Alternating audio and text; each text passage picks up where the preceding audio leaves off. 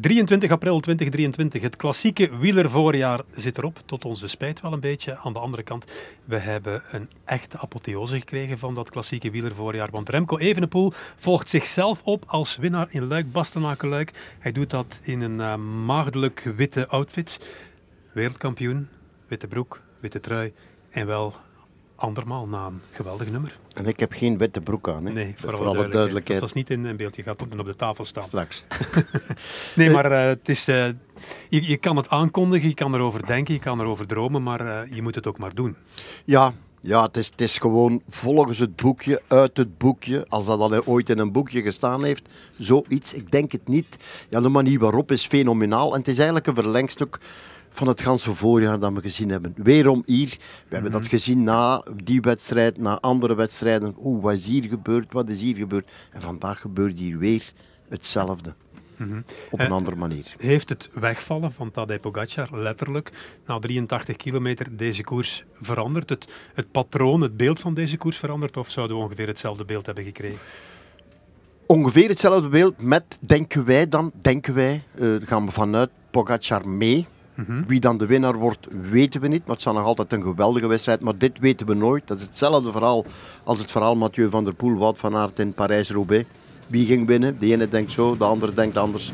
Maar, maar dat we een hele goede Remco Evenepoel gezien hebben. En dat hij van dit peloton, zonder Pogacar, veruit de beste was.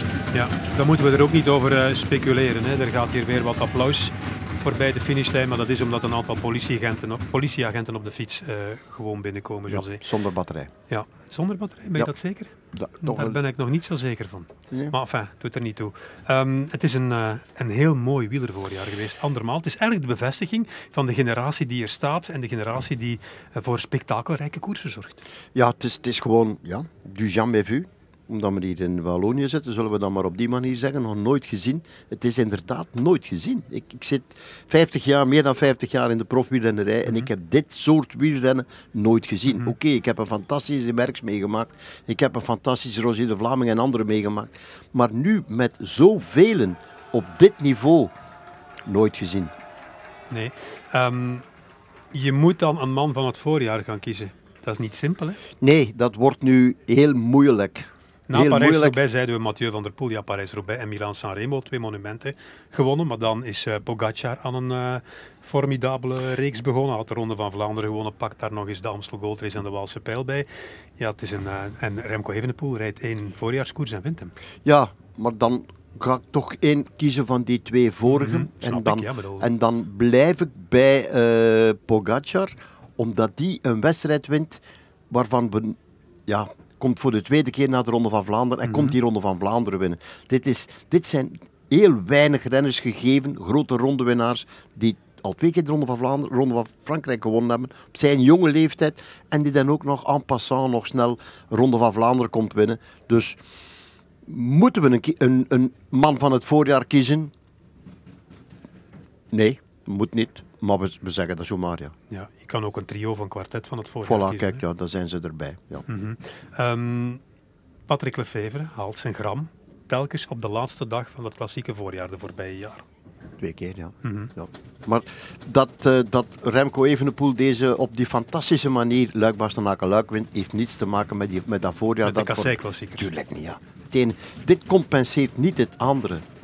Ik bedoel, dat kan je ook zeggen, ja, maar we wachten tot het einde van, van het jaar om, om te kijken, is ons seizoen geslaagd? En dat seizoen was al geslaagd. Mm -hmm. Als je ziet hoeveel koersen die al gewonnen hebben in het verleden, oké, okay, ja, de, die standaard die ze voorbije jaren gezet hebben als de Wolfpack in het Vlaamse werk, dat was er nu niet. En komt dat nog terug? Dat wordt heel moeilijk, want daar hebben ze een kopman voor nodig die tegen die grote mm -hmm. 4, 5, 6 aanleunt.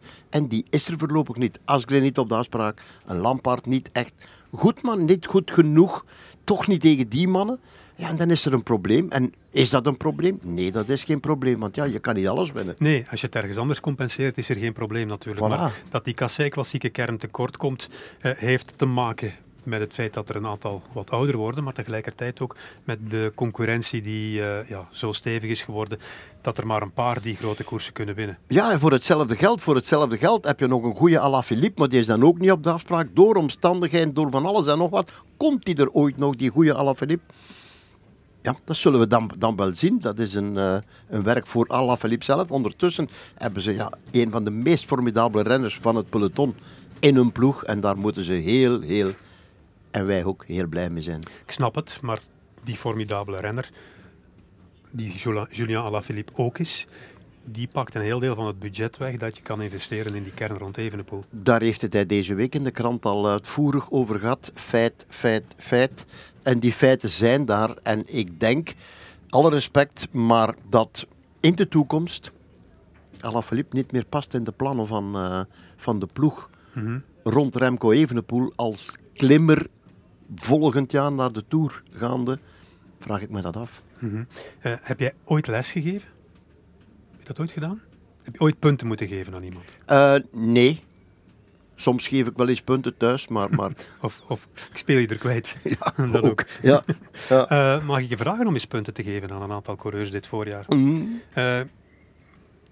Remco Evenepoel op basis van één koers, ja, dat kan maar een tien zijn zeker? Oh, op basis van meerdere koersen. Hè, en de basis waarop hij nu, zich nu voorbereidt naar die, dat belangrijke doel dat er zit aan te komen. Uh, hij, hij, moest deze dag er staan, hij staat daar. Voilà. Ja, tien. Tien. Tadej Pogacar? Uh, die krijgt van mij ook een tien. Mathieu van der Poel? Uh, voor zijn koersen, die krijgt een tien. Ja, ja, maar als we dan toch... Ja, ja, mogen we eigenlijk niet geven. Ik snap het. Ik snap het. Maar geef ze dan allemaal een 9,5? Ja. Ja, uh, omdat perfectie niet bestaat. Ja. Wout van Aert? Als pech meetelt... Als pech meetelt... Uh, en alleen de uitslagen tellen, maar dat, maar dat mogen we niet doen eigenlijk. Nee, nee, nee. Je moet het volledige lijstje bekijken en alle prestaties in de context zetten. Dan 9. Mm -hmm wegens dat net niet winnen van dat grote doel. Maar wel meer dan goed, goed genoeg. Ja, fantastisch voorjaar ja, gereden als je die uitslagen ja, bekijkt.